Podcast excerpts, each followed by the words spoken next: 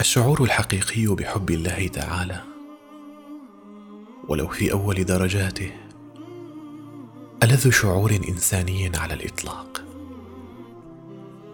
لكنه شعور يتفلت ولا يدوم وهو يغار.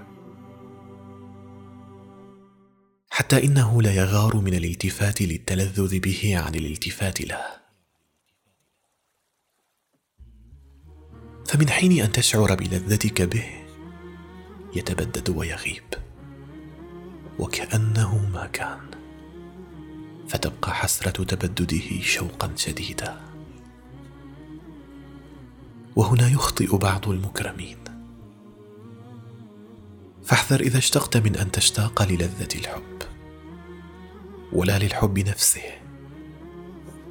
وإنما تشوق للمحبوب عز وجل. بتذكر جماله وكماله وبتوالي عطايا حبه لك.